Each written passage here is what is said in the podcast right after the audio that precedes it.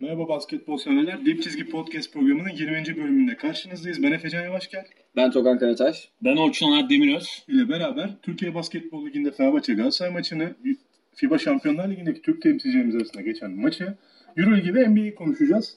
Ee, öncelikle şununla başlayayım. Arkadaşlar bu arada bizi dinleyen arkadaşlar için söylüyorum. Dinlenme sayılarımızdan şikayet ettiğimiz için değil ama başka platformlarda bir araya gelebilmek için daha fazla insana ulaşma niyetindeyiz. Bu yüzden paylaşabildiğiniz kadar bize yardımcı olursanız seviniriz. Arkadaşlarım adına bunu söylemek Çok tatlı, çok tatlı konuştu. Ay canım yerim. Efecan naiftir oğlum sana benzemez. Hiç benim gibi değil ya. Ben pis adamım.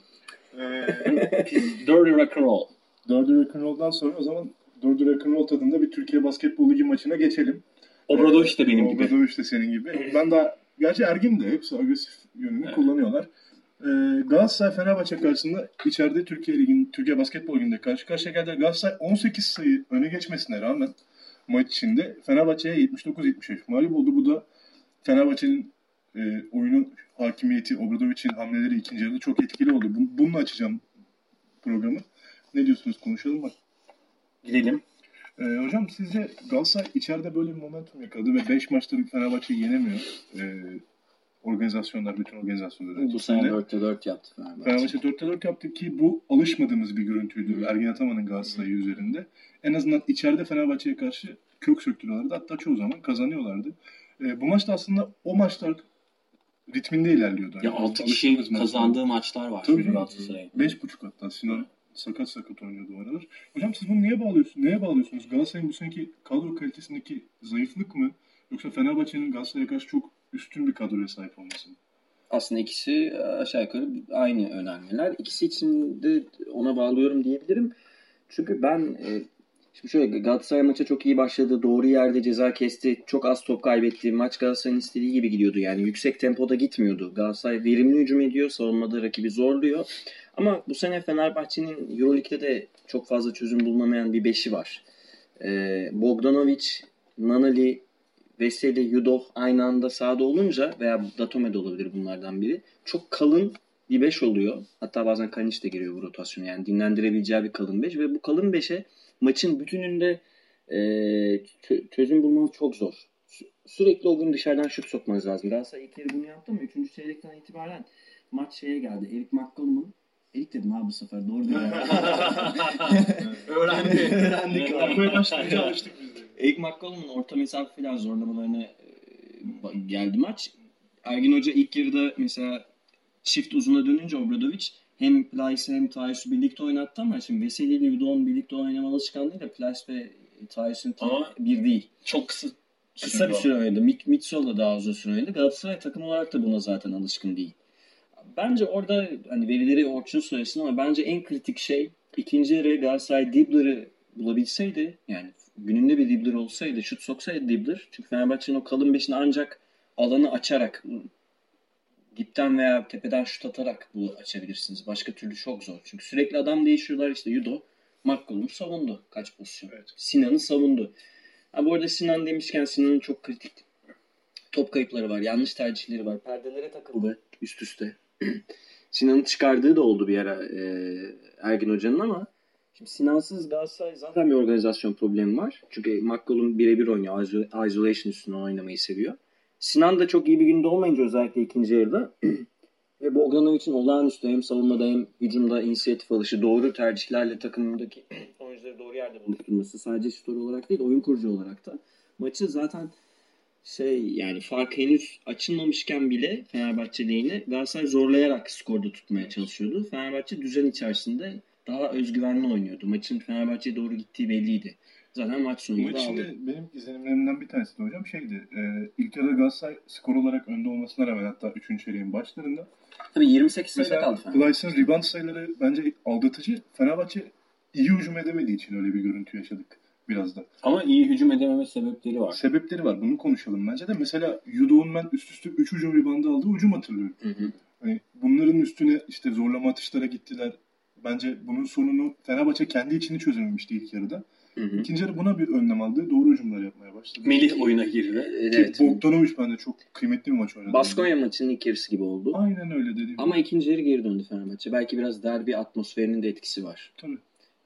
Melih'in de faktörüyle herhalde. Sen de Uç'un e, bu maç içindeki ritmi sağlayabilen en iyi koçlardan biri diyebilir miyiz Obradoviç? Yani kötü giden bir maçı ya da takımının kötü hücum ettiği bir maçı ikinci yarı bambaşka hale getirebiliyor. Ya bu noktada Ya övmekten artık çok sıkıldım ben Obradoviç'e Evet, ama hani Ki yani Ergin çok- Hoca iyi bir günündeydi. Obradovic çok çok iyi olduğu için Hatta Ergin Hoca'yı şunu, yendi. Şunu da dip, dipnot olarak vereyim. Orçun'la gelirken buraya yürüyoruz. Ee, işte maçı konuşuyoruz aramızda da Galatasaray Fenerbahçe maçını. Hani Ergin Hoca kullanabileceği bütün malzemeyi kullandı dedik aramızda da. Yani o, bu vardı elinde bunu kullandı. Hı hı. ya e, Obradovic'i zaten bizim övmemize gerek yok. Ama ben hani maçtan sonra şunu söyledim yani Obradovic dedim ki basketbol akademisi açsın orada diplomalı eğitim versin hani. E, Çünkü bu anlamda yani maç içi hamleler anlamında zaten dünyada tek. E, ama dediğin gibi yani Ergin Hoca'nın oyun planı bence kusursuzdu. İlk yarı inanılmaz işledi. Çok doğru şekilde hazırlanmıştı. O savunmayı çok iyi yaptılar. Perimetre savunması çok iyiydi. Zaten Sulukas'ın yokluğunda bir tek Bobby'ye kalan bir Fenerbahçe var. E, o yüzden e, çok iyi savundular o e, alanı. E, ve hücumda da topu çok doğru paylaşarak topu çok doğru yönlendirerek çok katkı aldılar diğer oyunculardan. Yani işte Plyce 11 sayı, Mitsov 7 sayı, D 7 sayı, McCollum 6 sayı. Yani hani İlk yarıda. İlk yarıda. Top çok iyi döndü ve Galatasaray çok verimli hücum etti. Yani zaten 41-28 çok iyi bir skor ve Galatasaray sadece 3 top kaybı yapmış abi ilk yarıda. Yani hani e, bu demek oluyor ki hani bütün Onlar da top çalmaydı. Yani bir tanesi galiba top kaybıydı. Galatasaray çok düzgün bir kızıl yıldız gibi hücum etti aslında. aynen öyle. Yani Fenerbahçe'ye hiçbir şekilde ritim vermediler. Yani zaten 20 dakikada 28 sayı üretebildi. Fenerbahçe. Hı. Ama 3. çeyrekte ne oldu? Ee, hücum temposu ve momentum değişti işte. Yani e, Melih'in oyuna girmesiyle beraber Melih ki iki haftadır bence çok iyi basketbol oynuyor. Bu, bu e, maçta da yani gene e, 5'te 3 üçlük gönderdi ve 3 asist yaptı. 12 sayıyla tamamladı maçı ve hani bunu ikinci... Melih'ten görmediğimiz şeyler de yaptı dün geçen gün. Yani. Evet yani böyle potaya falan e, pen, pen, penaltı sayıları da var aynen öyle. İyi bir maç çıkardı. Hatta Melih'in öyle bir ilginç penaltısı var ki ben top girdi mi girmedi mi anlayamıyorum mesela bırakınca. Hani garip bir fundamental var yani. Evet yani top sürerken öyle gerçekten. Çok e, yani kendinden emin penetre yapmıyor. Tedirgin. Ama yani şu şutu var ve hani zaten Fenerbahçe'den de şut atsın diye kontrat alıyor. Tabii. Ama e, yani Toga'nın dediği gibi ikinci yarı Fenerbahçe'nin NBA standardındaki fizik üstünlüğü Galatasaray'ı ezdi yani hani ve tamamıyla o fizik üstünlüğü üzerine e, geri geldi ki yani şöyle bir olgu düşünün. Fenerbahçe maçı ilk 5'te Ahmet'le başlıyor. Hı. Ekbe'yi ve Veseli sonradan getiriyor. Kenardan getiriyor. biraz da, o biraz da. Obradovic'in, Obradovic'in tarzı, tamam, tarzı ama ilk bir maçı yine 31 dakikayla bitirdi. bitirdi ama Bennett yok abi. Ha, Yani hani konuda. baktığın zaman hani o senin hani malzeme diyorsun ya ya elde çünkü çok fark yaratacak bir nüve var yani ve o Bir- da işte onu Yani çok iyi bir kişi kullanıyor. fazla oynadı Fenerbahçe. Galatasaray 8 kişiyle, Fenerbahçe 9 kişiyle oynadı. Şimdi yine aynı sorun var. Mitsov 36, Sinan 35. Yani kötü bir gününde Sinan. Aslında 31. Evet. Asunde'yi 30 işte Göksel'in 26 dakika, Erik McCollum yani hemen ilk gelip 30 dakika oynamasını zaten beklemiyorduk. 32. 15 dakika oynadı. Yani Galatasaray'ın ilk beşinin 4'ü 30 dakika oynadı. Plyce'la ilgili de bir şey söyleyeyim. Hani biz hep Alex, Alex Tyson için şey diyoruz ya topu hareketli alması lazım. Post up'ı yok. İki yıl oyun sonrası topu hareketli alması lazım. Sanki bence biraz Plyce de öyle. Onun da çok böyle net bir post up silahı yok. Yok abi zaten 2.21'lik bir adamın Evet. topu yere vurması kolay değil yani. Evet. Plyce'ın sadece tek sırtı dönük oynayabileceği mismatchler üzerinden olabiliyor zaten. Onu da Yani. sanki çok yapamıyor ya. Ya böyle dönüp potayı Yani bırakır kö- artık hani zaten pota boyunda hocam yani. Yani şimdi Faydalı oyuncu ama bir tane pozisyonu yani Euroleague takımları, Euroleague seviyesindeki takımlar bir pozisyonu doldururken ikinci oyuncu biraz daha tamamlayıcı olmalı. Böyle iki Tabii. tane aynı oyuncudan olmaz. defekleri var. Evet. Plyce'ın.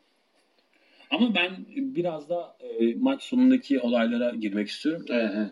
Yani e, gerçekten üzücü. Çünkü çok güzel bir maç Evet. izledik. Yani basketbol adına Bu hafta öyle bir haftaydı. e, teknik açıdan çok doyurucu bir Hı hı. maç izledik. İki koçun çok iyi yönettiği bir maç izledik. İki iyi takımımızı izledik aslında. Evet ve hani Galatasaray açısından bence ilerisi için de bir ışık veren bir maçtı. Yani Eric McCollum'un ilk maçı olması. e, gelmesi işleri değiştirecektir. Çünkü tam da ihtiyacı olan tarzda bir oyuncu geldi. İşte kendi skorunu yaratabilen, faal alabilen, oyun sıkıştığında e, skor bulabilen. Ama maç sonunda maalesef istenmeyen olaylar yaşandı. Hem de İstem- tribüne renk kat sezonunda Evet. oluyor bunlar. Tribüne renk kat sezonunda e, Galatasaray Fenerbahçe maçı dışında şimdi FIBA Şampiyonlar Ligi'ne geçeceğiz. Ya bu istenmeyen olaylara ben açacağım şeyi biraz da çok yerinde gördüğüm için, bildiğim için. Bu arada ben bu programda tabii yani çok e, rahat ve cool bir program geçiriyorum. Çünkü geçen hafta ne dediysem oldu. Aa, evet. Sen karşıya demiştin. Öncelikle Orçun'u tebrik edeyim. Karşıyaka Beşiktaş'ı 90-83 mağlup etti. Deplasmanda ilk maçtaki 5 sayılık averajın üstüne 7 sayılık bir galibiyet daha ekledi. Yani toplamda 12 sayıyla Beşiktaş'ı geçmiş oldu. Ligin favorisini direkt eledi. Direkt yani FIBA Şampiyonlar Ligi'nin favorisi Beşiktaş'tı. Beşiktaş son Japan'dı. Karşıyaka eleyerek e, bir anda orada olduğunu gösterdi ki muazzam bir oyun planıyla ama onun öncesinde arkadaşlar maçı yorumlamadan önce e, FIBA Şampiyonlar Ligi yetkilileri mi yoksa Türkiye'deki federasyon yetkilileri mi bu kararı kim veriyor bilmiyorum.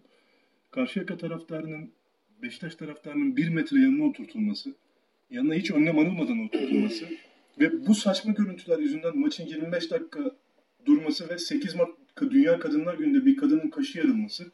Yani bunların hepsi üst üste geldi. Çok nahoş yani. ya Çok bu sinir biz bozucu. basketbol ben em- emin olun Ufuk Sarıcan'ın setlerini izleyeyim diye gittim.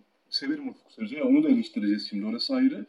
Ama bir, bir- bir yarım saat 45 dakika boyunca birbirine küfür eden, saldıran, işte bununla gurur duyan, sanki bütün maçı buradan kazanacağını kuran bir taraftar grubuyla karşılaşmak hoş değildi. Galatasaray maçını nasıl eleştiriyorsak Beşiktaş taraftarını ve Karşıyaka taraftarını sonuna kadar eleştiriyorum. Ki bunu yetkilileri daha çok eleştiriyorum. Hiç hoş değil yani. Alınmaması lazım. Madem öyle almayın. Basketbol Ee, izleyin yani. ilk maçta Beşiktaşlı taraftarlar var mıydı? Ben onu bilmiyorum ama olduğunu zannetmiyorum. İzmir'e genelde Beşiktaş taraftarı alınmıyor. Ya Karşıyaka'nın zaten oynadığı büyük maçlarda genelde Rakip e, taraftarı rakip olmuyor. taraftarı olmuyor. Ya bu hangi aklın ürünü bilmiyorum ama çok kötü ve e, yansımaları da hiç hoş olmadı. Avrupa basketboluna karşı Türk basketbolunu böyle tanıtıyoruz ya. Maalesef. E, buradan maçın yorumlarına da geçelim. Karşıyaka çok iyi bir ilk çeyrek çıkardı. Bana sorarsanız. E, ben maçı yerinde izlediğim için söyleyeyim. İçeriden özellikle Owens'ı kullanarak e, Beşiktaş'ın yaptığı şeyi Beşiktaş'a yaptı Markovic. E, aynı oyun planını sergiledi ve Beşiktaş ilk, ilk periyot kötü bir ilk periyot çıkardı ve sonra oyun durdu. Oyun durduktan sonra soğuyan bir karşıyaka geldi ve Beşiktaş farkı 18'e çıkardı. Bu tamam Beşiktaş'ın Üçüncü yeni- başında, üçüncü çeyreğin başında ikinci 18'e çeyrek, kadar üçüncü çeyrek 18 sayıya çıkardı ve işler tamamen yolunda gidiyordu Beşiktaş taraf, Beşiktaş ve Beşiktaşlar için. Ama sonra tabii Orçun'un geçen hafta da söylediği gibi Markovic çok iyi bir çok iyi çalışmış Beşiktaş'a. Baştan sona pick and roll'ü çok doğru oynadı. Ee, Beşiktaş'ın savunma zaaflarını değerlendirdi, şut soktu ve maçı döndürdü hatta kazandı. Ee, Ufuk Sarıca da 4 hücum üst üste üçlük sokan ve boş üçlük sokan karşıya karşı karşı mola, mola almayarak beni çok şaşırttı mesela. Evet. Yani Buradan başlayabilirim. Ee, ben olaya şöyle bakıyorum. Bu seri açısından hani Markovic Ufuk Hoca'yı ezdi. Ezdi. Yani daha kısıtlı bir kadroyla Hı hı. daha e, hani 7 kişilik rot- rotasyonla oynayan bir takım olarak e, ligin favorisini e, her iki maçta da yenerek e, eledi. Burada gerçekten Markovic'e hakkını vermek lazım. Yani hani maç içi hamleler konusunda da maç 18 sayıya çıktığı zaman hani ikinci yarının başında oradan gelmek ve deplasmanda bunu yapmak çok kolay ve mümkün olan bir olgu değil. Her zaman olabilecek bir şey değil. Ama e, yani çok soğukkanlı kaldı bir kere. Yani maç, maç çok çok Hani Ee, mesela olaylar sırasında Markovic teknik faul aldı. evet Beşiktaş'ın yeni olan şeylerden biri de oydu. Fark 10 iken teknik faul idi Markovic. ve çok yani direkt ritimli olan Owens'ın erken faul problemine Hı. girdiği bir maçtan bahsediyoruz. Yani türlü türlü Evet. Zorluklar Ya vardı. de aynı şeydi. Mesela 4. çeyreğin başına kadar e, Clark, Earl Clark ve Michael Roll'dan yaralanamadı Beşiktaş. Evet. 4 faullüydü ikisi de. Maçın agresifliği öyle bir boyuta geldi ve bence basketbol oynanabilirliğini de çok etkiledi bu lansiyonu. yani şunu söyleyeyim ik- ikinci yarı oyunun değişen tarafı neydi diye e, sorarsanız tamamıyla Karşıyaka'nın guardları abi Mike Green. Mike özellikle. Green. Bu serinin zaten yıldızıydı. Green yani Karşıyaka'ya geldikten sonra çok iyi performans gösteriyor. Ba- Baseball kesirden geldi. Ee, yani direkt olarak e, Beşiktaş'ın guardlarını denize döktü yani. Hani zaten o e, hani Beşiktaş'ın yap, yapmaya çalıştı ve bu sezon iyi, iyi kotardığı bir işte e, eşleşmeli Allah. e, savunması Matchup var. Me- Matchup zone'u çok iyi yapıyorlar. Ama e, işte Markovic onu deldi yani. Hani Ya, bu guardlarıyla şekilde delinir zaten hani köşeleri çok iyi buldular. Hani İlk yarı bulamamışlardı aslında. evet yani İlk kere hiç e, yanlış hatırlamıyorsam Doğan Summers bile köşeden bir Tabii, birkaç tabii, tane e, soktu yani. Hani İlk Ponitka yarı- İlk soktu. yarıdaki problem şuydu. Karşıyaka ne oynayacağına karar vermemişti daha mesela. İlk çeyrek potu altından hücum, hücum eden bir Karşıyaka vardı. Bir anda şut sokmaya çalışıyor ve kaçırmaya başladılar. Ve ritim buldular yani. Yani Hani 18'e giden dönemde pozisyonların tekrarında tekrar görme şansım oldu televizyondan verildiği kadarıyla. Karşıyaka'nın forvetleri boşa çıkıyor matchup zonda ama guardları tamamen Özellikle potayı bölüyor. Konuşka, Da- Darüşşak- Konuşka çok evet. konsantrasyonu uzak bir ikinci çeyrek oynadı. Herhalde Markovic bunu söyledi ikinci yarıya, ikinci yarı veya üçüncü çeyrekteki o moladan sonra. aynen. Ondan sonra Mark Green görmeye başladı. Zaten görmeye başlayınca dipten hemen cezayı kestiler. Orada işte Ufuk Hoca yanıt veremedi. Çünkü hani bu Beşiktaş'ta topu en iyi kim dağıtıyor? Michael, Michael Roll Yok, dağıtıyor değil mi? problemi. Michael Roll bile bir yerde hani geri düşünce Beşiktaş bir sayı ki bir sayı bir şey değil. 6 Değil. sayılık fark var. yedi demek dakika ki. var. Yedi dakika var. Birebir oynamaya başladı. Yani orada birazcık daha soğukkanlı davranıp oyuncularını uyarmasını beklerdim açıkçası Ufuk Hoca'nın. Bir de şunu Ve söyleyeyim. Thompson yine hani ben yani Thompson'ın artık bilmiyorum devam edecek mi Beşiktaş'tan. Bu seviye oyuncusu. Acilen kovulmalı. Hiç değil. Ya tamam skoru var da yani Acilen kovulmalı. Yani oyun zekası olarak çok vasat bir oyuncu yani. Hani bir de Stimaç yokken Beşiktaş hakikaten çok zor. Yani o Stimaç'ın değeri yokken daha da iyi an- anlaşılıyor. Hocam şimdi Stimaç oyundayken de mesela başına iki tane işte double team yapınca içeride Evet. ve boşa çıkardığın adam şut sokamayınca Evet. ki Beşiktaş son çeyrek hiç sokamadı şut. ondan bahsedeceğim. Yani Karşıyaka çok iyi hücum etti ama bunun yanına savunmadan da acayip bir Müthiş bir savunması e, tesisi. destek aldı. Şöyle ki yani baktı ki ilk çeyrek hani boyalı alanda Beşiktaş ağır basıyor. Yani acayip po- posta çok iyi yardım gelmeye başladı alçak posta oyunlarına. Ve bir, bir ara hatırlıyorsunuz e, yani benim anlamadığım şekilde Ufuk Sarıca hani 3-4 kere aynı hücum oynadı. Yani alçak Hı hı. posttan Ben ya de onu DJ. Strawberry ya Michael e. Strawberry ve felaket bir gün. Dördü yani- de tutmamasına rağmen vazgeçmedi. bundan. Evet yani O kadar stresli bir zamandı ki o Beşiktaş. için. Karşıyaka işte buna önlem almış artık Bir şey- başka bir, bir, bir, bir şey üret orada Bir şey yani. daha söyleyeyim. Zaten DJ Strawberry çok şutör bir oyuncu değil ama her şeyden biraz yaptığı için Olympiakos'a kadar gitti. Olmadı ama bir de ben Kenan'la ilgili hani bu faslı kapatmadan hani Mike Gray çok iyi. Kenan mesela 10 dakika süre aldı. Şimdi Kenan oynarken Ricky Rubio muamelesi görüyor. Tamamen şutunu riske ediyorlar. Boyalı şey faal çizgisine geliyor Kenan'ı savunan. Buyur at diyor. O da atıyor. Girmiyor zaten. Şimdi Kenan'ın varlığı hani Beşiktaş'ın bütün hani spacing diyoruz böyle işte modern basketbol kavramları sene başından beri kullanıyoruz. Hani guard oyun kurması gerekiyor. Oyun kurmasının yanında minimum birazcık işte %30'la da olsa bir üçlük isabeti tehdidinin olması gerekiyor. Modern basketbolda şutu olmayan Evet. guard diye bir şey yok. Yani Kenan- Yok yani öyle bir şey olamaz. Kenan 3 Kenan- sene önce geri gitmiş durumda. Geri gideceğini. iyi, ileri sav- gideceğini. iyi savunamadığı hiçbir takımla oynayamaz. Ve Evet. Karşıyaka maçında hiç iyi Yani savunma bir da yapmadı. şöyle bir olgu var. Mesela Doğuş Balbay da şut olmayan bir oyuncu. Ama en azından e, hücuma Enerji koyuyor. kattığı bir şeyler var. Hücum zorluyor. çekiyor. Yani Alüp vuruyor bir e, şey yapıyor. Hasıl yani. koyuyor yani savunmada e, farklı işleri yapıyor ama Kenan Kenan'ın çok iyi yaptığı bir şey yok abi. Yani Evet. Sorun o. Yani ileriye gidememe sorunu o. Ee, FIBA Şampiyonlar Ligi'nde Karşıyaka'ya başarılar dileriz. Umarım iyi bir derece alarak bitirler ki Final Four'un şeyde olmasını çok istiyorlar ve Banvit de bir gece önce bu maçtan önce Hı. iyi bir basketi 70-61 yenerek iki takımımız, iki temsilcimiz devam ediyor. Zaten bu iki temsilcimizin devam edeceği Beşiktaş Karşıyaka maçından önce belliydi. Karşıyaka oldu ikinci taraf. Umarım iyi derecelendirilir ki Final Four İzmir'de olur umarım. Şeyi söyleyelim. Burada hani eee 70 sayının 42'si Furkan ve Theodor'dan geldi. Ve ikilinin anlaşması Aliyuplar işte şut pasları vesaire çok iyiydi yani. Ki- İkilinin bir hani 1-5 anlaşması gibi anlaştılar. İkisinin Forvet- toplam üçlük sayısı 13'te 7. Evet. Furkan 4, Teodor 3 tane atmış. Yani Furkan'ın Banvit'e gidişi, Maxim'in Efes'e gelişi benim beklediğimin çok daha ilerisinde verimli olmuş görünüyor. Ya Furkan açısından daha da iyi oldu çünkü resmen kendini buldu yani. Hı hı. Ya Aurelie'nin günde olmadığı Aurelik 12'de 2 ee, yok yok 8'de 1 pardon 8'de 1 attığı günde ee, hani bir tur maçında inisiyatif alarak böyle oynaması gerçekten önemliydi. Zaten Theodor bildiğimiz gibiydi. Hafta içi Mahmut'u kötü da oynadı. tebrik ederiz. Ee, Bu beklediğimiz bir galibiyetti zaten. Aynen öyle. Mahmut'tan final bekliyorum ya. İnşallah, İnşallah. ikisi de Final Four'da olur ve biz de güzel bir Final Four izleriz ve İzmir'de olursa eğer. Ve buradan e, Euroleague'e bağlanacağım. O kadar keyifsizim ki arkadaşlar bunu size söyleyeyim. Geçen hafta 4'te 4 konuştuğumuz bir Euroleague'den Evet, Bu hafta 4'te 0. 4'te 0'la ya bu kadar da dengesiz ve istikrarsız olmayalım istiyorum. Yani. Ama bu sezon zaten öyle hani Evet. çok e, Ya genelde bir 4'te 2 gitmiyoruz görüyorduk yani. yani. 4'te 1, 4'te 2 çıkarabiliyorduk. 4'te 0 yani muazzam oldu 4'te 4'ten sonra yani. Ee, ilk maçtan başlıyorum o zaman. Bu maçı açalım. Galatasaray CSK'ya konuk oldu Rusya'ya. Geçen hafta da maçı yorumlarken söylemiştik. Bu maçtan galibiyet beklemek hayalcilik olur. Ee, real, ol, real olmaz, realist bir düşünce olmaz. Ee, Galatasaray 85-69 mağlup oldu ee, CSK'ya. O için e, aslında beklediğimiz bir mağlubiyet olsa da hani yine de Galatasaray'ın tutunacağını falan da bir hayal etmiştim ben. Ki Galatasaray'ın. Ergin Hoca'nın öyle bir deplasmanı var CSK'da. Evet. Yeniyordu, uzatmaya gitti, sonra yenmemesi Sonra- işine yaradı filan. Öyle bir sezon vardı. Ki Galatasaray beklenti büyük takımlara karşı son haftalarda oynadığı basketbolla bizi de umutlandırıyordu. Niye bu maç tutmadı? Ya bence öncelikli olarak zaten kafalar derbi maçındaydı yani. Fenerbahçe maçındaydı.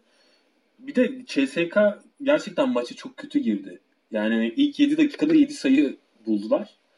Ve hani acaba dedik yani böyle e, Yakalamışken. maç kazanma tabii ki yani CSK'yı e, Moskova'da yenmek hani çok kolay olmamakla beraber hani her takımın yapabileceği bir şey değil. Ama en azından hani maçın içinde kalıp böyle hani maç sonuna kadar böyle hani e, gelebilmek Galatasaray açısından özgüven verici bir unsur olabilirdi yani hani e, ama O ikinci çeyrek. yani ikinci çeyrekte gerçekten olanı anlatmak hani mümkün değil çünkü e, ne oyuncular ne Ergin Hoca orada ne olduğunu anlamamıştır. Yani hani o 33-12'lik bir serinin bir çünkü hani Euroleague seviyesinde bir açıklaması olamaz yani. Hani Bir çeyrekte 20 sayı fark yenmez. hani bu şey de olur abi yani 33-12'lik bir seri böyle hani e, işte genç takım seviyesinde falan olacak bir seri yani. Hani o zaten maç orada bitti. Hani Zaten çeyrekte 14-0'la başladı. yani GS ilk çeyrekte 27-17'ye geldi. Hani- CSK ilk çeyrekte 13 sayı bulabildi. Hı hı. Yani ikinci çeyreğin ilk 3,5 dakikasında 14 sayı buldular ama yani. 14-0. Yani direkt 14-0'lık bir seri koptu gitti yani. Hani maç orada uçtu zaten. Ama benim açımdan ya Galatasaray'ın hani e, böyle düşmesi enteresan yani. Kafa olarak tamam hani CSK'yı yenme meselesi değil bu. Ama hani oyun içinde kalma, konsantrasyonunu koruma, e, doğru oyunu oynamaya çalışma bunlar önemli. Ve Galatasaray hiçbirini yapamadı. Ki Bir de- yani bunu şeyden de anlayabilirsiniz. Hani Kyle Hines'ın tamam Kyle Hines çok atlet de Tibor Plyce'a yaptığı bir blok var. O e, 30 basketboldan basketboldan emekli Yani 25 santim fark var bu iki oyuncu arasında. Yani biri 2.20, biri 1.98. Yani Yani bu antrenman maçın havasına döndü ikinci yarı. Zaten yani işte Can Korkmaz 10 dakika süre aldı. Hani- Burada Ergin Hoca'ya şunu söyleyeyim. Yani Galatasaray'ın böyle konuşmaktan sıkıldığımız birkaç maçı daha oldu. Evet. Ee, ikinci çeyrek hariç her çeyrekte savaş dedi ya. Hocam kusura bakma da yani ikinci çeyrekte maç bitti. CSK istemedi yani. Madrid falan hani bazen öyle İspanyolların 50'ye götürür ya. Götürse götürürdü Madrid yani. gerçekten. Şey CSK. Bıraktılar. Yani ikinci çeyrek hariç her çeyrek savaştınız. Hayır hocam savaşmadınız yani. O Garbage time'a döndü maç. Evet ya bu maçtan e, belki hani bir böyle hani dolu tarafı görmek istersek E- Ege'nin aldığı hani 17 dakikalık süreyi görebiliriz. Ege e, son dönemlerde süre alıyor ve çıkarmadı ama en Fener azından maçında almadı ama süre. e, evet, Fener maçında almadı ama yani hani e, onun gelişimi açısından önemli. E, hani Nando De Colo'yu da haftanın MVP'si yaptık bu arada. Yani. Evet, evet. Yani bir de takımda. Şimdi bakıyorum da hani 18 top kaybı yapmış mesela Hı. Galatasaray. Yani çok fazla. CSK'da deplasmanda oynarken hani minimuma indirmek lazım ama Ya Sinan da iyi gününde değildi. Şimdi Sinan da acaba yani bugün geçen Instagram'dan sanırım ya bugün ya dün bir açıklama yaptım. Bugün yaptım. Ben de uy- uyuyamıyorum geceleri çünkü taraftar çok kızdı Sinan'a. Bizim taraftarımız biraz günlük yaşar. Sinan Güner'in ne kadar hizmet yaptığını unutuyorlar herhalde. Ergin, Ergin Hoca'ya da bir tepki vardı. Geçen sene bu zamanlar ortalığı inletiyordunuz yani Sinan diye değil mi? Hani bu kadar çabuk dönmemek lazım. Yani Sinan Güler'den daha iyi bir Türk oyuncu tercihleri varsa Buyursun. buyursunlar onu oynatsın arkadaşlar. Acaba Sinan'la yani bu Sinan morali toplaması lazım.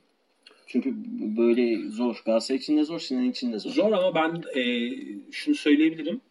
E, yani Galatasaray her zaman taraftarıyla ve hani Hı hı. e, geleneğiyle sonuçta e, bir rekabet adayıdır. Yani hani sonuçta şampiyonluk yolunda da e, ellerinden geleni yapacaklardır. Hani ortada daha kaybedilmiş herhangi bir olgu yok. Tamam ligde ve Euroleague'de istediği gibi gitmiyor olabilir işler ama sezonu en azından e, daha iyi basketbol oynayarak kapatmak için bir şans var ellerinde. Ki Euroleague'de bunu gelince konuşuruz. Hem Darüşşafaka'yla oynayacak hem de çok kritik bir 29. haftada Baskonya maçı var Galatasaray'ın. Galatasaray'ın Baskonya'yı yenmesi 3 belki 3 takımımıza da Şimdi yarayabilir. Moskova'dan Evet. Ataşehir'e geçerken bunu Evet. söyleyerek geçeceğim. Ee, bu hafta ikinci maçımız Fenerbahçe ile Baskonya arasındaydı. Felaket bir sonuç Ve, için. Fenerbahçe Baskonya maçının oynandığı gecenin ertesi günde oynayacak temsilcimiz Efes ve Darüşşafaka için bu maçın anlamı çok büyüktü. Çünkü Efes ve Darüşşafaka maçlarını kazanmak isteyecek. Baskonya'nın da mağlubiyetine kesin gözüyle baktığımız için Oo. bir galibiyet yakalamış olacaktık. Ve Ama Efes oldu? 5. hesabı yapıyordu Evet. bu hafta. Ama ne oldu? Öncelikle Fenerbahçe Efes'e Daşkan'ın sinirini bozdu diyebiliriz. Ee, Baskonya içeride 74-79 mağlup oldu. Ee, bu maçla ilgili söyleyecek şeyler Orçun sen başla istersen. Fenerbahçe Baskonya maçı karşısında bence favori çok favori çıktı bir maçtı. Ya e, şöyle bir olgu var ya Baskonya gerçekten Euroleague'in ikinci e, e, yani devresinde çok formsuz, ve ritimsiz bir basketbol oynuyor yani hani ama bunun en büyük sebebi tamam Bargnani çok kötü bir sezon geçiriyor olabilir. Hiçbir Şengeli şekilde de sakattı. Evet yani hiçbir şekilde Bargnani'den verim alamıyorlar, alamıyorlar ama Şengelya abi bu takımın bence en kritik oyuncusu ve hani Şengelya döndü ve maçı kazandılar. Ee, o yüzden hani Baskonya için bu maç maalesef ki bir çıkış maçı da olabilir yani. Bundan sonra bir tekrar e, vites arttırma durumu olabilir. Ama şunu söyleyeyim yani bu maçta Slukas yoktu ve bunun yanında Ekpe yoktu. Ee, yani Ekpe yokken Fenerbahçe açısından e, hani her şey daha sıradan hale geliyor. Yani çünkü Ekpe'nin e, yaptığı birçok olgu var yani. İşte o maçı izlerken benim Bill Russell'ın sözü aklıma geldi ya. Hani her topu bloklamanız gerekmiyor. Ama rakibi her topu bloklayacağınıza inandırmanız gerekiyor. Evet. İşte Ekpedo böyle bir Evet. oyuncu. Varlığı korku yaratmak için yeterli bir oyuncu. Aynen öyle. Yani e, o noktada çok maalesef Fenerbahçe Ekmen'in yokluğunu dolduramadı. Tabii bunda Veseli'nin de erken faal problemine girmesinin etkisi var yani. Ya bunu çok Abi Veseli, ya. yani burada Fener, bizi dinleyen Fenerbahçeliler alınmasın, kızmasın ama yani Veseli bu ligin hani e, yani en net flopper'ı diyelim artık ya. Yani Ama- her pozisyon kendini atma. Yani maç her maç bir iki tane deniyor bunu. Bu Final Sulukası geçti bence. Sulukası geçti. Yani Final Four'da bunu yaptığında bir gün çalmayacak hakem. Belki teknik faul Teknik verecek. faal. Sonra yani bir, bir teknik faul, bir hücum hani 5 sayılık oyuna mal olabilir. Gerek yok yani. Veseli bu ligin en elit Veseli bence Pilotlarından sezon biri. bir sezon geçirmediği için e, taraftarla bağını kuvvetlendirmek için her şeyi denemeye çalışıyor. Ama şimdi ben Ya maçı bu, izliyorum bu böyle. bir ateşleyici bir şeydir ya. Kendini atıyor yani. Evet. Çok belli kendini attı. Hani onu yutturamazdı artık hakemin. Bazı pozisyonlar bayağı göstere göstere yapıyor çünkü bunu. Abartıyor. Abartarak yapıyor. Ya şuna değineyim ayrıyeten. E, Sito Alonso benim hani e, bu sezon beğendiğim koçlardan birisi böyle öne çıkan e, koçlardan bir tanesi ama e, maalesef ikinci yarı o da e, düşmüştü yani ikinci devre e, Ritimsiz. e, yani formu düşen koçlardan birisi. Çünkü ilk yarı Baskonya dördüncü sırada tamamladı Euro, Euroleague sıralamasını. Biraz fikstür avantajı da vardı, ama Vardı. çok iyiydi. Yani beklemediğimiz Hı hı. şeyden bahsediyorduk yani. Çok önemli deplasman galibiyetleri. Tabii, tabii. Yani yılın sürprizi olarak Hı hı. görüyorduk ama e, sonra işte 8 maç arka arkaya kaybederek düştüler. Ama bu maça e, çok iyi hazırlanmış. E, Ekmen'in de yokluğunu çok iyi değerlendirdi Baskonya. Yani e, hani Babua ilk yarı ortada yoktu ama Larkin hani müthiş oynadı. Zaten bir e, ara yani Berk'i de karşısında görünce hani Vurup geçti direkt. e, direkt Westbrook'a döndü yani. Böyle direkt çembere gidip çok rahat sayılar üretti. Onun dışında hani Şeyi söyleyelim. Boboa demişken benim aklıma geldi. Mesela Larkin 28 dakikada bir asistle bitirdi. Maçtan gelen Luz'un 11 dakikada 4 asisti var. Yani Luz daha böyle e, paylaşımcı hani pass first guard gibi oynarken Larkin çünkü Larkin'in el üstü şutları falan da var. Larkin bitirici. Ama yani zorladığı yerler de var. Larkin'in maçı hani maç satma deriz ya biz. Maç satma anları da oldu. Portekizce ve İspanyolca'da ışık demektir. Yani böyle Evet. de bir özelliği var. Işık ışık yaptı yani o saha içinde. Bir de e, Alonso'ya artı değinecek olursam Alonso'nun bence çok iyi bir ikili oyun e, sonralarına aldığı önlem var. Yani Bogdanovic'e hiç rahat vermediler. Yani hani o e, rahatlığı bulamadı yani. Bogdanovic çünkü e, çok yaratıcı bir oyuncu. Hatta ligin belki de en iyi e, bu anlamda e, En iyi şey. İki numaradan yaratan. Evet, Hı. e, yani yaratan oyuncusu hem kendine he- hem arkadaşlarına pozisyon hazırlıyor. Ama inanılmaz yardımlar geldi. Yani e, çok rahat alan bulamadı e, Bogdanovic ve o işte eşleşmeli savunmayla çok rahatsız ettiler. E, bu da Alonso'nun önemli hamlelerinden birisiydi. Ki ona rağmen 26 sayı 8 asist. Ona rağmen evet. E, Bogdano, Bogdanovic'in yanına işte ama o diğer gardı bulamadı yani. Bobby leş bir maç çıkardı. hani e, iki sayı eksi beş perle oynadı. Hı hı. Hiç gününde değildi yani ortada yoktu. E, Baskonya sertliğiyle biraz da yani o hani dirençli oyunuyla Fenerbahçe 74'te tutarak bence haklı bir galibiyet aldı. Çünkü iyi bir maç çıkardılar. Haklı böyle şey Birinci Dünya Savaşı gibi oldu. Yani hani Almanya yenik sayıldı biz de yenik sayıldık. Bir de evet yani Baskonya yenince Efes'le Darüşşafaka da yenik sayıldı gibi bir şey oldu. bakmayın da Efes'te daha şov kendi maçlarını kazanacak. evet o şimdi oraya geleceğiz de Yani, yani. e, ama Fenerbahçe gene geri döndü bu maçta yani. Tabii maç tabii Melih'in sayıları girip iki falan. tane üçlük attığı noktada geri dönüyordu maç. İşte Boğdan zorladı bir yerde. Baba'nın bir şutu var orada. Yani bir sayıyken bir tane çok kritik bir yerde soktu. Evet. Son bir dakika kala. Orada maç tekrar 4 sayı çıktı. Oradan sonra zaten maçı aldı Baskonya. Bitirdik maçı. Sonra Maçı bitiren bitirdi. şut oydu. Maalesef bizim açımızdan da çok kötü oldu. Ama. Fenerbahçe'nin şöyle bir avantajı var. Panathinaikos da kaybetti. Evet. Yani sırası rahat. Onlar için değişen pek bir şey olmadı olmadı. diyebiliriz. Ee, Fenerbahçe mağlup oldu Baskonya'ya ve bu mağlubiyeti acısını çeken Efes. Ee, ah Fenerbahçe kazansaydı biz bugün bir galibiyet üste çıkardık gibisinden bir hayal kurarken içeride Brosa'ya 87-68 mağlup oldu. Gelelim Efes'e gelelim. En sevdiğim. Ee, ki maçın başı ya ben maçı izlerken dedim ki o galibiyet alacağız. Hani Tabii ilk öyleydi. işte ne bileyim Hanikat çıktı bir blok vurdu, Cedi üçlük soktu. Oo ne güzel hayat. Sen maçta mıydın? Maçı iz- ma- maça gidemedim. Hocam gitti maça. Ben de ekran başından izledim yani. Ee, Brown e, çok iyi başladı maça. Brown çok iyi başladı. Potaya gidiyor. Görünenden uzak her şey. Yani hani dedim ki Bruce buradan çıkamaz. Bu arada şunu da hatırlatmak istiyorum. Efecan. Ben kendim söylerim onu. Bunu hatırlatmazsam çatlarım. Söyle hadi, söyle. Tamam, söyle. Geçen hafta bana ne dediğini sen söyle. Ee, Efes Tofaş da oynasa Orçun Tofaş kazanır der diye. Orçun'u bir yermiştim ama ee, gülüşünü de yaptım meşhur.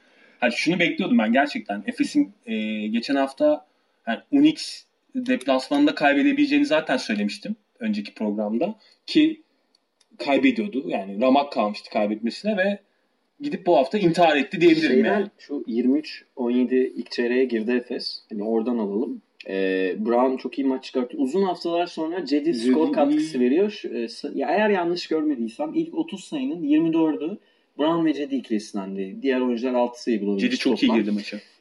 Atletizm avantajını kullanıyor Efes pota altında. Çünkü şeyi de söyleyelim. Brose'nin hani benim benim sevdiğim oyunculardan Strelnieks yoktu bu maçta. Bir Evet. gardı Steiger de yok. Steiger de yoktu. Yani. Pota altı Bambic'in serbest bıraktığı Veremenko. Beşiktaş'ın serbest bıraktığı Radosevic ve kendi oyuncu Daniel Tice. Yani bir Euroleague seviyesinde pota altı yok Brose'nin. Bunun avantajını kullandı Efes 2 2 çeyrek. Ama Granger yine gününde değil. Euro Cup seviyesi bile değil. Evet. Yani. İkinci çeyrek 16-0 seri buldu Brose. O arada ne Efesli oyunculardan bir reaksiyon var. Ne Perasovic'den bir reaksiyon var. Ne bench'te bir hani insanın maça bir siniri olur değil mi? Ya, yani oyuncuları teknik faal alırsın. Bir şey yaparsın. Yani rakibi, rakibi bozmak için kendi oyuncularına şey Kalinic nasıl final maçında gitti şeyle didişti Tribünle. tribünden. Bunun gibi şeyler bekliyorsunuz. Hani belki Doğuş yapar diyorum. Doğuş da iyi bir gününde değildi. Oyuncular tom, komple zaten iyi bir günde değildi.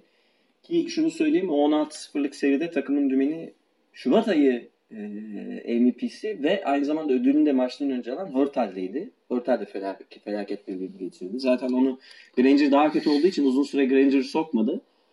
Ee, Şeyi- toplamda 14'te bu 3. maç içi hamleleri birazcık yorumlamayı Orçun'a bırakayım ama şunu söyleyeyim.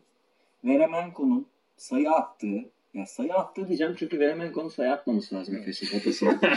e, Rodosevic'in 15 dakikada 16 sayı attığı, e, Nikola Mendin'in ortalama başladığı maçı 25 verimlilik puanla bitirdiği maçta Brose hiç geri adım atmadı. Yani maç hiç ortaya gelmedi. Hiç. Efes hiç yak- yaklaşamadı bile.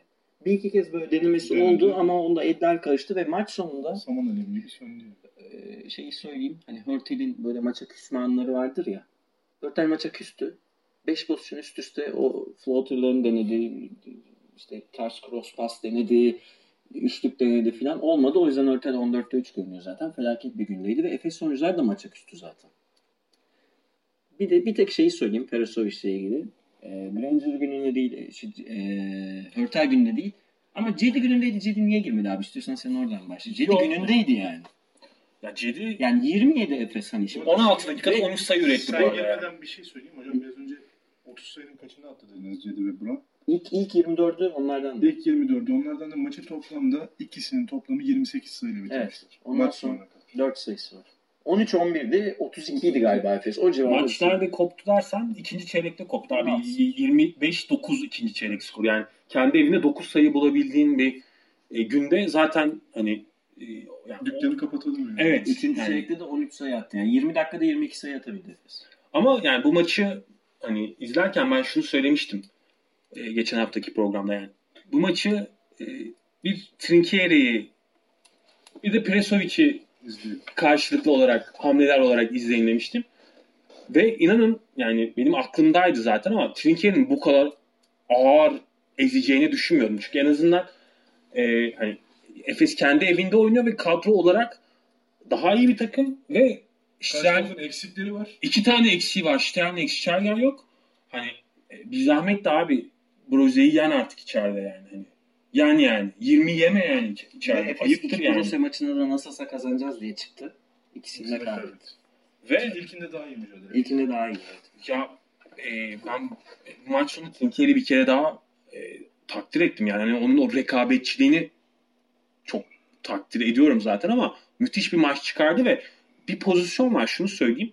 Bir set çizmişti e, molada ve o set sonunda ve hani bu arada yani çi- çizdiği set e, oyunun son 5 dakikası falan yani Broze maçı hani 20 ile falan götürüyor 18 ile götürüyor ve yani o plana sadakat sonunda o hani set akıcılığı sonunda sayı geldi ve hani e, Trinkieri bilmiyorum belki sen görmüşsündür. Kenarda böyle hani oyuncularını alkışladı yani hani Broze böyle bir takım yani, yani tamamıyla bir düzen takımı tamamıyla bir e, hani koç takımı. Hı hı. Efes maalesef hala bir koç takımı değil. Ama öyle bir beklentim yok benim Efes'ten. Şöyle bir şey söyleyeyim mesela Borussia ile ilgili. Maç sonuna kadar 13'te 9 üçlük üretmişler. Hı hı. Ve genelde bu tabloları şey görürüz. Hani çok atsan da çok denersin. %45-50 Hı hı. gibisinden 9-10 üçlük bulunlar. %70 gibi bir üçlük isabetiyle oynadılar. Ki bu bence tamamen koç kontrolünde bir şey. Ben sana şunu söyleyeceğim Ama abi. boştu. Doğru şut da Doğru onların. şut. Boştu yani. Boş şutlar. yani dediğimiz. Set akıcılığı muhteşemdi. Low mesela. Broze'nin. Ve Broze ligin en az rebound alan takımı. Hı. İstatistik açıdan. Çünkü pota altı 42 çok kötü durumda yani. Abi Brose. bu maç sonunda reboundlarda 42-32 öndeydi Broze. Yani Her oyuncu rebound katkısı verdi çünkü. Ya bir şey daha mesela dikkat çekebiliriz. Radosovic 9'da 8'de oynamış. Hı hı. Ulan uyuyor musunuz pot altında? Her pozisyon smaç. şunu söyleyeceğim. Ee, Nikola Melli 8'de 6 ile oynamış. Diğeri nerede? Şey, istatistik- Nicole Manley'nin performansı hani Veremenko'da bir şut attı. O da isabetli zaten. Daniel Tice, Daniel Tice biraz atamadı ama Daniel Tice zaten vasat, yani vasat demeyeyim de kapasitesi belli bir oyuncu. Perosovic maça hani daha böyle e, alan savunmasına e, benzer bir savunmayla başladı ve e, Broze o kadar iyi hücum etti ki yani e, şimdi ezberlenmiş alışkanlıklar üzerinden oynayan bir takım Broze ve Efes buna tepki veremedi yani hani e, çünkü bir oyun sistematiği olmadığı için bir alışkanlığı olmadığı için ve çok tek yönlü bir takım olduğu için e, bir, bir cevap veremediler yani. Trinkeri zaten maçı çok iyi hazırlanmış. Efes'in bütün enerjisini, bütün ritmini öldürdü. Ruhunu emdi. Bildin yani böyle hani Harry Potter'da var ya böyle yani. Bildin yani o Efes'li oyuncuların ruhlarını emdiler yani. Enerjilerini soğurdular. Televizyon başında da öyle hissettik ya. Kendi ruhum emdi. Bir, bir pozisyon var hani ben şey diye dedim bunu geçen hafta söylediğim için hani Efes bir koç takımı olamaz çünkü Perisovic hani inisiyatif bırakıyor. Bunu Perosovic çünkü koç değil. Ya Öyle demeyeyim ben de yani e, koç düzen takımı o tarz bir düzen takımı olamaz. Tamam inisiyatif kabul de inisiyatif de Hanikat'ın tepeden isolation oynaması değil ya şimdi arkadaşlar yani öyle bir inisiyatif yok. Böyle kafana göre de. Isolation'a başladığı an ben top kaybı dedim yanımdaki arkadaşıma. Bir saniye sonra topu kaybetti Isolation'da. Hanikat. Tabii ki Böyle bir Isolation oynayabilecek fiziğe sahip değil o adam yani. yani. Fundamental'a sahip değil. Kime çiziyorsun? Örtel bile oynamamalı bu takımda yani. Ya o yüzden e, hani Broze çok haklı bir galibiyet Tamam. aldı. ben şey konuş. Kosör'ün Hadi açık konuş. Kosör'ün 35 verimlilik puanı vardı ilk şeyde. İlk maçta. Örtel'in intikamını almaya Bu sene- falan bekliyordum ama ah, Ağzımdan hiç çıkmadı bu podcast'ta ama bence Efes'in artık Final Four umudunu geçtim. Hani maç kazanma Top 8'te maç kazanma ihtimalinden bile şüpheliyim. Bu maçı kazansaydı Efes 5.'ydi. Bu maçı kaybetti. Şu an 8'de bitirir. e, Belli değil. Belli playoff garantisi Belli ortadan kalktı. Şu an Efes'in ciddi bir Yani- playoff sıkıntısı var. Zaten- Evet evet ikili averajı var. Darüşşafaka'ya ve. Basma'ya karşı kabul. Ama yakalanabilir. Zalgiris geliyor abi. Miyiz mesela? Ha, evet. Zalgiris deplasmanı var. Yine Fenerbahçe Olympiakos. Madrid maçları var. Tabii. Ve Efes bu Evet. sezon Efes büyük bu maç kazanamıyor. Efes Brosya'yı yenip Maccabi'yi yenseydi 5.ydi. Bunda hemfikiriz değil mi hepimiz? Tabii. Averaj farkı da vardı ortada. Tabii. Ama şu an gerçekten 8, İntihar etti ya. 8, İntihar etti. 8, 8 olursa hani iyi bari girdik diyebileceğimiz bir potaya Abi 8 olmanın da yani şimdi F8 yaptı diye sevinmenin bir anlamı yok. CSK ile oynayacaksın yani. Ya yine de işte İstanbul'da maç İstanbul'da izlemiş maç olacak. Bir erken Hani bu- bunu bir başarı olarak falan görmesin kimse Buradan yani. Hani. diğer bir takımımıza geçelim. Hani biraz önce büyük takımları yenemiyor Efes. Böyle bir problemi var diyorduk ya. Bir de büyük takım yenme alışkanlığı olan ama kendi seviyesi ve altındaki takımları yenemeyen Darüşşafaka e, Ama ya. deplasmanından çıkamadı. Ve ben yenebileceğini hissettim son periyotta. Çünkü çok iyi bir comeback yaptılar. Tabii dörde indi. 18'lerden indi. o 20'den Ve dörde indi. dörde indikten sonra Olympiakos kaçırdıktan sonra yine maçı alabilecek pozisyonlar üretti Darüşşafaka. Bir şey, Clyburn bir boşluk kaçırdı. Bir tane hücum ribandı sonrası boş bir turnike smaç karışımı bir şey kaçtı. Döndü Spanulis attı. Maç gitti yine. Ee, ne hissediyorsun? Barış nasıl attı ama orada? Değil mi? Ee, Kötü hissediyorum Kötü ama nasıl nefes hissediyorum. yani hani bu en azından haftayı bir düştü. galibiyetle bu hafta. Bu kapasaydı. hafta gardım çok düştü. Yani bizim şey umudumuz, Euroleague kazanma umudumuz konusunda. e, Perosovic'e bu arada hani yükleniyorum. Arkadaşlar hani demesinler ki işte niye e, Blatt'e yüklenmiyorsun falan. Blatt'e de yükleniyorum. Çünkü Blatt de bu sezon çok kötü bir e, sezon geçiriyor. Evet. Ama şöyle bir fark var. Hani e, Blatt Perosovic'ten çok daha iyi bir koç. Ya biletin normal standart kredisi daha yüksek olduğu için Evet. Hani e, arada öyle bir fark var. Yani e, Blatt'in yapabildikleri ve hani vaat ettikleri daha farklı. Evet, şimdi hocam o maçla ilgili bir şey sormadan önce hocam istatistiklere bakarken size soracağım bir şey var. Ee, Will Clyburn ben sezon başından beri diyorum ki işte bu takımın da kim şeyi belli değil. İşte bir hafta Vanamaker alıyor eline, eline sazı. Doğru. Bir hafta başkası çıkıyor. Bir hafta işte James Anderson iyi oynuyor. Hiç çok az oynuyor ama oynuyor en azından. Bu hafta Clyburn e, 15 tane 2 sayılık, 4 tane 3 sayılık, toplamda 19'da 7 gibi bir performans oynuyor. 6 tane faal atışı kullandığında hesap edince 3 doğrudan verdin. Yani toplamda 22. 22, top kullanabilir mi bir forvet 4'te, Euroleague'de? 4'te top kaybı var. 26 topu tek başına kullanıyor. 26 Sony Williams olsa kullanamaz abi. İşte bak ben buradan arkadaşlar gerçekten tedirgin olduğum şey bu Darüşşafaka'da. Yani çok yapışıyor el topu. Ve Vanamaker'ın e, 6 asistini çıkartırsak diğer takım arkadaşlar toplam 3 asist yapabilir maç boyu. 3. Ya bir de bu maç o zaman 81-73 mesela iyimser bir sonuç hani. Bence de iyimser. Çünkü şimdi Lojeski'yi mesela bilet hani Bertans mesela Lojeski mi Bertans mı desem düşünürüz ama hani Bertans Lojeski kadar iyi oyuncu. Ben de Roger- risk derim de. Ya o, o bilmiyorum belki ben biraz duygusal bakıyorum. Ben Hani Bertans'ı çok seviyorum. 500 bin dolar vermemek için Bertans'ı da seçebilirsin. Her türlü Lojeski'yi seçerim. Ama kritik nokta şey Cam Birch'ün Spoilers'ın dönüşüyle beraber ikili oyun ne kadar önemli bir ikili oyuncusu, ikili oyun bitiricisi olduğunu görmemiz ve tekrardan rebound üstünlüğünü eline alması. Birch'ün 18 dakikada 8 tane rebound var. evet. Ve rotasyonu çok daha iyi 5'te kullanabiliyor 5 2 Olympiakos. sayı. Ha. 5'te 3 Ki- faal, 8 Ki rebound. Cam Birch mesela 5'te 3 faal attı. Cam Birch faali de durduramazsınız. Cam Birch faal atabilen bir uzun. Yüzde Hatta kendi demişti. Bana ayıp ediyorsunuz. Ben faal atabiliyorum dedi. Ki açıkça söylemişti bunu. Siz bana hekeşek demiyorsunuz. Yapın dedi. Ben faal atabiliyorum dedi zaten. Sonra onu çözdü zaten. Patrick Young daha kötü o konuda da. Evet Patrick Young daha kötü. Ama bence maçın kritik noktası evet işte zorluyor. Vanamaker'dan, Clyburn'dan yani biri, biri biriler üstünde hep. Isolation üstünde. Maçta öyle geldi zaten. Ya Hero Mero öyle geldi böyle bir sistemle gelmedi. Biraz öyle oldu. Haydi saldıralım. Ha, ha, Ama işte yani- taktik yok, bam bam bam ama, Daçka zaten bu sezon onu oynuyor yani. Yani Evet. çok fazla bire bire Bence bağımlı bir oyunu var. ya. Arkadaşlar, tamam. Evet, evet, suçlu evet, zaten. kesinlikle. Taktik maktik yok. Bam Evet. bam bam gerçekten. Evet. E şey, Yani Nerede biletin, başına- nerede biletin taktik İşte evet, Nerede evet. oyunları? Evet. Ya Vanamaker'la Clyburn toplamda 50 top kullanmışlar. Neyi anlatıyorsunuz bana ya? sezon başından beri onu Evet. konuşuyoruz aslında. Yani hani Daçka ne zaman var? İyi bir Şut soktuğunda. iyi bir dış şut gününde var. Onun dışında yok. Hani başka bir çözüm üretemiyorlar. Bir alternatif planları yok. Bir de şeyi söyleyelim. Hani Spoilers'ın son yerden yere atlayışını gördünüz mü? Evet. Hani biri espri yapmış. Spoilers Paris Saint Germain'in kalecisi olsa Paris Saint Germain yola devam ediyordu diye. Evet. Hani bu adam süper yıldız. Ve süper yıldız egosu falan olur değil mi? Hani öyle atlamaz oyuncular. Bizimkiler daha 20 yaşında o egoya giriyor. O pozisyonu bir izleyin. Özetlerde de var. Ee, son top için yerden yere yuvarlanıyor Sponis ve bırakmıyor kendinden daha atlet oyunculara karşı. Ve o dönüşte skoru buluyor Olympiakos. Ben Black'le ilgili şunu düşünüyorum. Yani bunu daha önceki programlarda da dile getirmiştim. Ee, NBA'de geçirdiği e, sezon onu hani Avrupa basketbolundan biraz mantalite olarak uzaklaştırmış olabilir.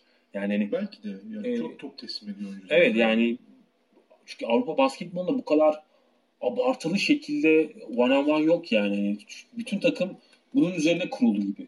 Ama yani sonuçta senin elinde de yani tamam yetenekli oyuncular var. Wanamaker, Clyburn bunlar yetenekli maç oyuncular ama Ziz için de vardı. Kaç kere denedin? evet. Kaç kere denedin posta Dört top geldi. görmeyi? Ya elinde İkisi sonuçta rebound abi bir hani e, Lul, bir Dekolo hani bunlar yok yani. Ve geçen konuştuk ya işte. Geçen hafta bence çok önemli bir Darüşşafaka sorununa işaret etmiştik. Post-up sonrası pasör oyuncusu yok.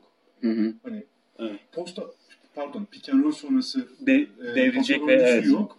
Yani devrini de beslemiyorlar. Tabii. Pick and roll sonrası genelde pick and roll'ü oynayan oyuncu potaya gidiyor Darüşşafaka'da ve bu böyle sonuçlara sebebiyet veriyor. Hani Ya ama uzun eline top değmiyor. Potaya çok gidiyor. Çok top kullanılıyor. Ama o his hakikaten şeydir yani. Uzun eline 4-5 pozisyon top değmezse Oynamam Pas abi içinde. ben. Oynamam yani. böyle olur. Yani savunma da yaptıramazsın sen oyuncuya. Ne yapayım? Zizic alıştığımız Zizic 15 ribantlarına alıştığımız Zizic bu hafta 2 ribant aldı. E zaten 12 dakika oynadı. 12 dakika. ya işte o da Bu kadro arada mühendisliğiyle Slaughter galiba hala sakatmış. Ben bir resmi açıklama gördüm. Hani Slaughter hala sakatmış. Ne sakatlığın olduğunu bilmiyoruz ama Slaughter'dan faydalanabilir mi bu arada-. Ha Oktan 2 Oakland dakika oynadı. tartışması var. Oakland 2 dakika oynadı ve Euroleague'de hani böyle istatistik yazan her yeri boş. Ya ve Oakland neden transferini- gitmemeliydi? Oakland transferi geldiği gün eleştirdiğimi hatırlıyorsunuz yani. Hani gereksiz bir. Okben e, Giresun'daki performansı belli bir sayının üstünde şut atan oyuncularda en verimlilerinden biriydi. Evet. Çok iyi sahayı açan, rolü olan e, ve bu rolü sayesinde özgüven de kazanan bir oyuncuydu. buradan yaklaşmak istemiyorum ama İstanbul Giresun'dan iyi şehir ve bu oyuncular basketbol oynamak istemiyorlar. Galiba bana da öyle geliyor ya. Galiba öyle çünkü. Evet Giresun'da sıkıldı abi bu adamlar ya. Geliyorlar Tabii. antrenman maçı yapıyorlar burada.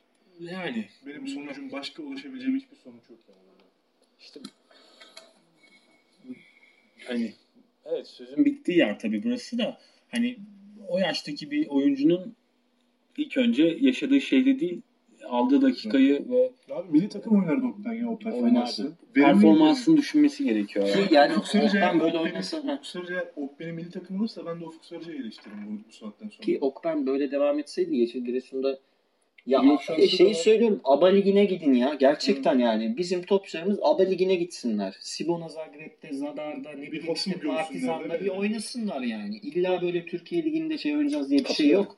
Bütün Slav oyuncuların gelişmesinin sebeplerinden biri öyle liglerde çok fazla Ya ben üzerinden bile gidilmesine Evet. razıyım yani. Hı hı. Gitsinler abi yani. Hani Oturmaktan iyidir gerçekten. Ee, bu maç sonrasında Bir de ben şunu da söylemek istiyorum. size. Şunu da söylemek istiyorum. Ee, uzun rotasyonda sıkıntı vardı açıkçası ama e, Furkan'ın da bu sezonki performansı gerçekten hayal kırıklığı. Ama Furkan da ne kadar denedi acaba? İlk hazırlık maçlarında 15 bilmem kaç galibiyet üzerinden devam ettikten sonra Furkan'ı övüyorduk övüyorduk. Sonra kaç dakika oynadı Furkan? Burada da bir David Blatt hatası var. O zaman takıma monte edemedi. Bilet hocamız biraz e, ilginç şeyler hocam yapıyor. yani. Evet. Çok yani. beğenirim, çok severim, Hı hı. çok takdir ederim. Bir sürü oyununu izledim, bir sürü maçını izledim ama yani şu Yok, bu sezon formsuz sonra ya. Çok formsuz. Brett bence Perisic üstünde falan değil. Şeyi söyleyelim. e, yani bu benim için üzücü bir haber oldu. Şu açıdan niye üzücü olduğunu söyleyeceğim. Darüşşafaka'nın bütçesi düşecek. Doğuş Fenerbahçe'ye sponsor olacak. Çünkü Fenerbahçe'nin giderleri ciddi seviyede yükselmiş. Hani açık veriyor haliyle. Normal zaten basketbol geliri düşük Türkiye'de. Ee, ama Darüşşafaka'nın bütçesi 4 milyon euro civarında düşecekmiş ve Seat galiba sponsor Seat olacakmış. Şimdi, şimdi Euroleague'e giremiyor diye e, 100 senelik tarihi olan bir kulüp Ki önümüzde duruyor hocam bu hafta bu paylaşmışız da sosyal medya hesaplarından yeşil siyah Darüşşafaka'nın tarihi diye. e, Darüşşafaka'nın spor tarihi 100 senelik bir kulüp bu. Hemen böyle vazgeçip e, yani ben hani Darüşşafaka'nın eğitimime yaptığı katkılar, sporumuza yatkı, yaptığı katkılar nedeniyle üzücü bir haber olarak görüyorum. Devam etmeliydi. Yani bu sene olmaz, gelecek sene olur. Ş- şöyle olacak çünkü eğer bütçe çok düşerse Darüşşafaka ne bileyim bir büyük çekmece seviyesine inecek. Bir anda Euroleague'de Real Madrid'leri yenen takımdan büyük çekmece seviyesine gelmek ve Evet. hani işte 3 oyuncuyu Obradovic alacakmış. Diğer oyuncular da hani biletle o zaman devam edilmeyecek.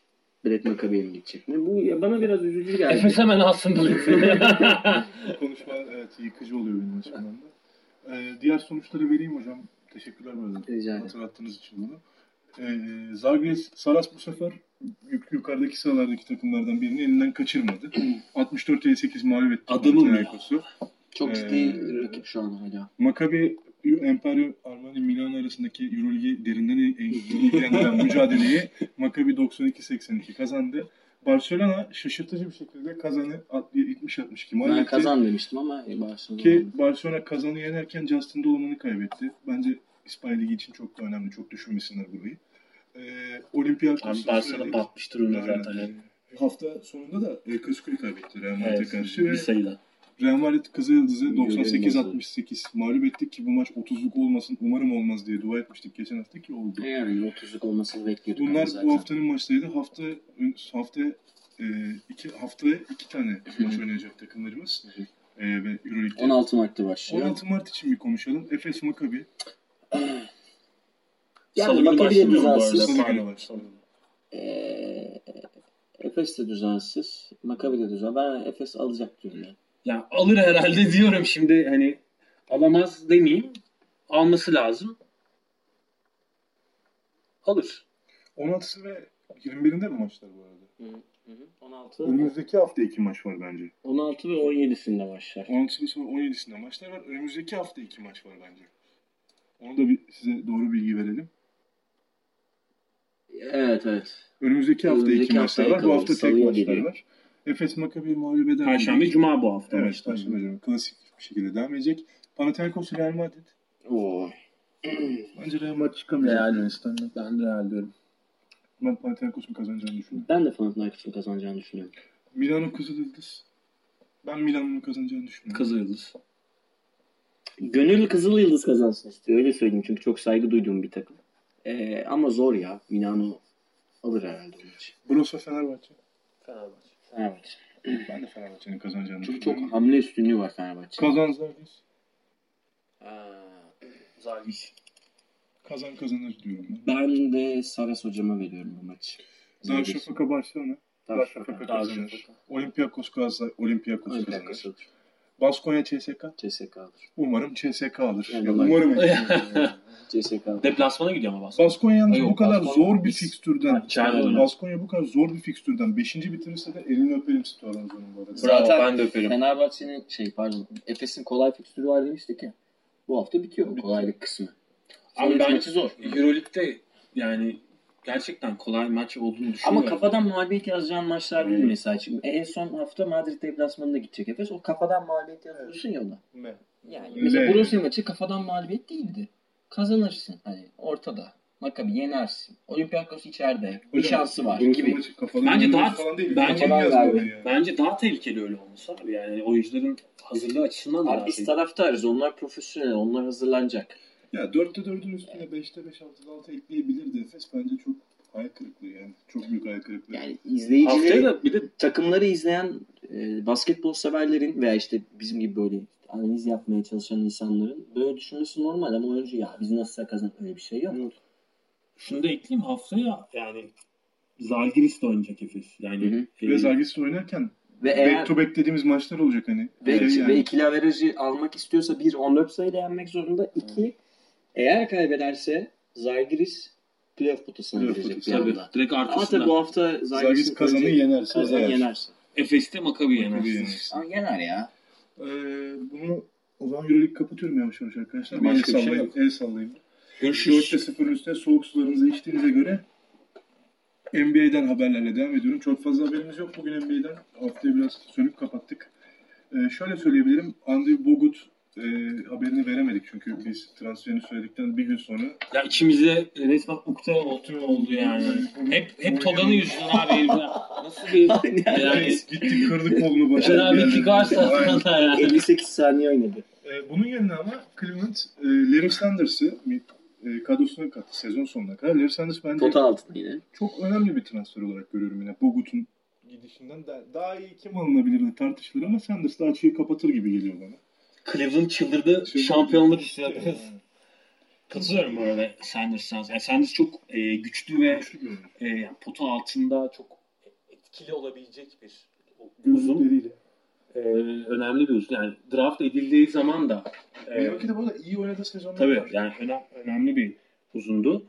Ee, Cleveland'a yani bu yolda playoff yolunda çok önemli katkılar verebilecek bir oyuncu. Bu gözlük demişken aklıma geldi. Bu NBA'de ilk gözlük modasını başlatan kimdi? Moses Malone muydu? Şimdi onu hatırlayamadım ama onun hikayesi şeymiş bak siz konuşurken aklıma geldi.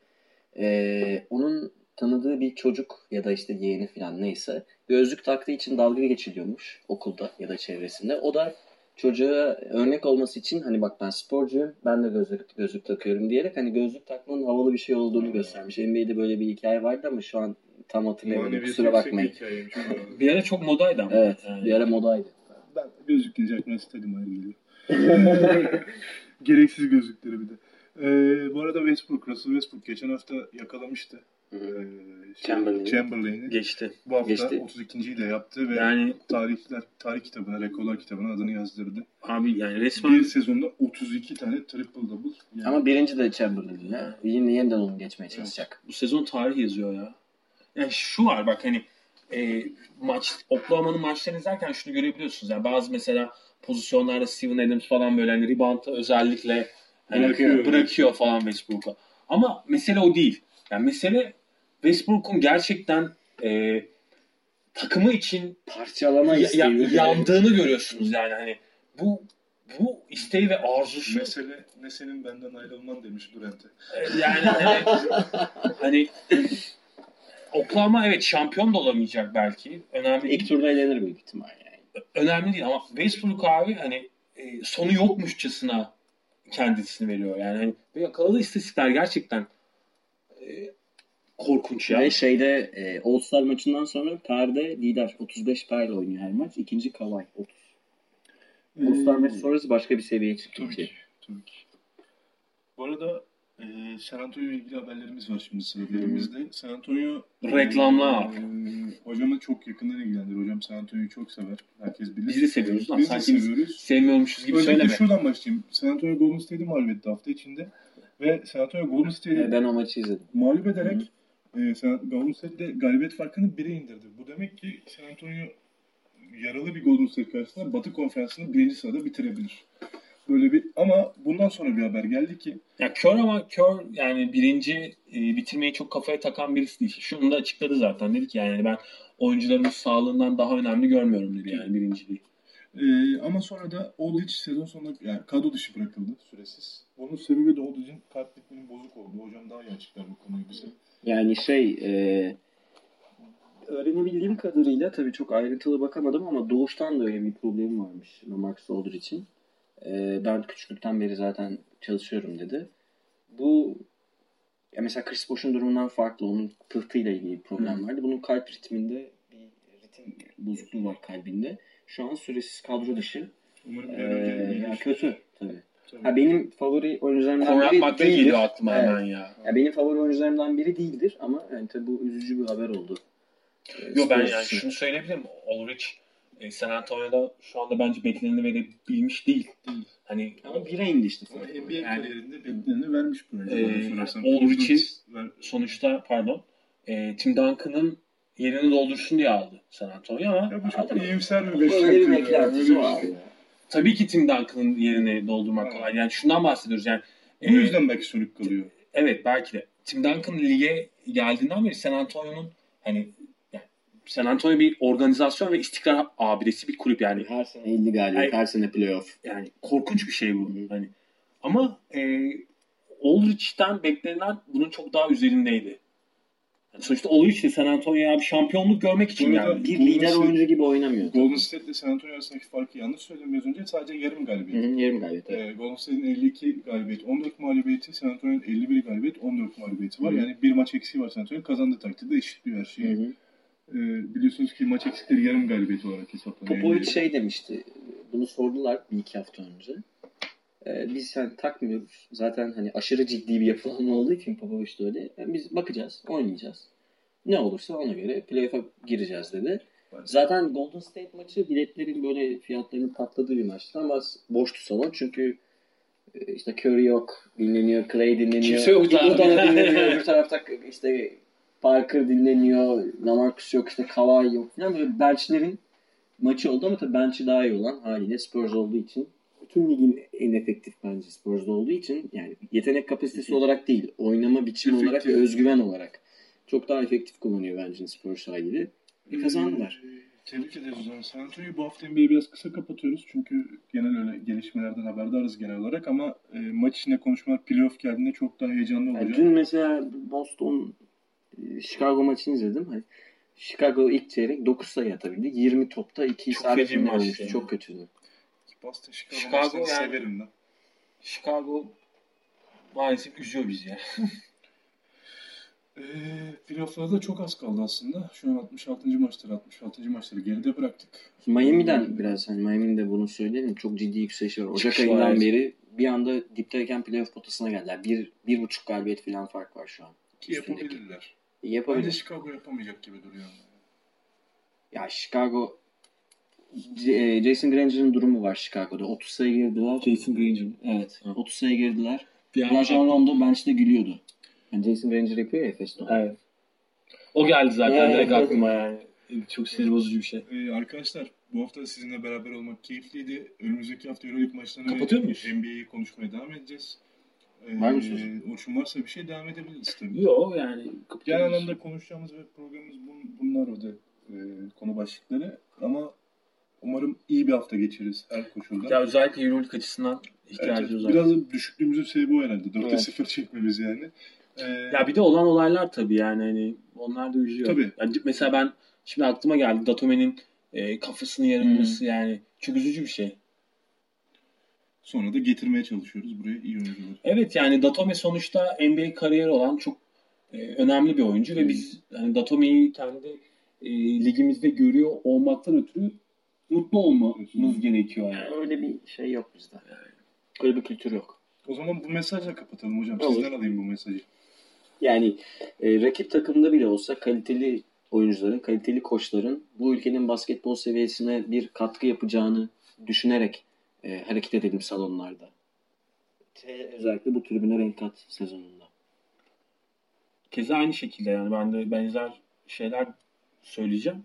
Hani bu oyunun rekabet kısmı evet önemli. Ee, şampiyonluklar için oynanıyor, kupalar için oynanıyor, tarih yazmak için oynanıyor. Ama neticede bir Oyun ya bu. oyun. Bu bir oyun yani. Yani kimsenin canından daha değerli değil. Ee, ben de şunu söyleyerek kapatayım. Hepimizin tuttuğu takımlar var. Hepimiz bir renge gönül veriyoruz. Ee, bu rengi tribüne katıyoruz. Ama her şeyden önce tuttuğumuz takımlar kadar basketbolda ve bu oyunu da seversek bu sorunları aşabileceğimizi düşünüyorum beraber. Umarım hep bunun bilinciyle yaklaşabiliriz. Salona böyle gidebiliriz ve oyunu izleyerek, taraftarlar arasındaki gerilimi izleyerek Hı. Basketbol adına gelişmeyiz yani. Ya NBA'de o yüzden marka kültürü yüksek. Böyle şeyler olmuyor çünkü. Ya da olunca çok büyük cezalar geliyor. abi yani. Evet, çok büyük cezalar geliyor. dostlukla ve birlikte kalalım arkadaşlar. Görüşmek üzere. İyi haftalar. Hoşçakalın.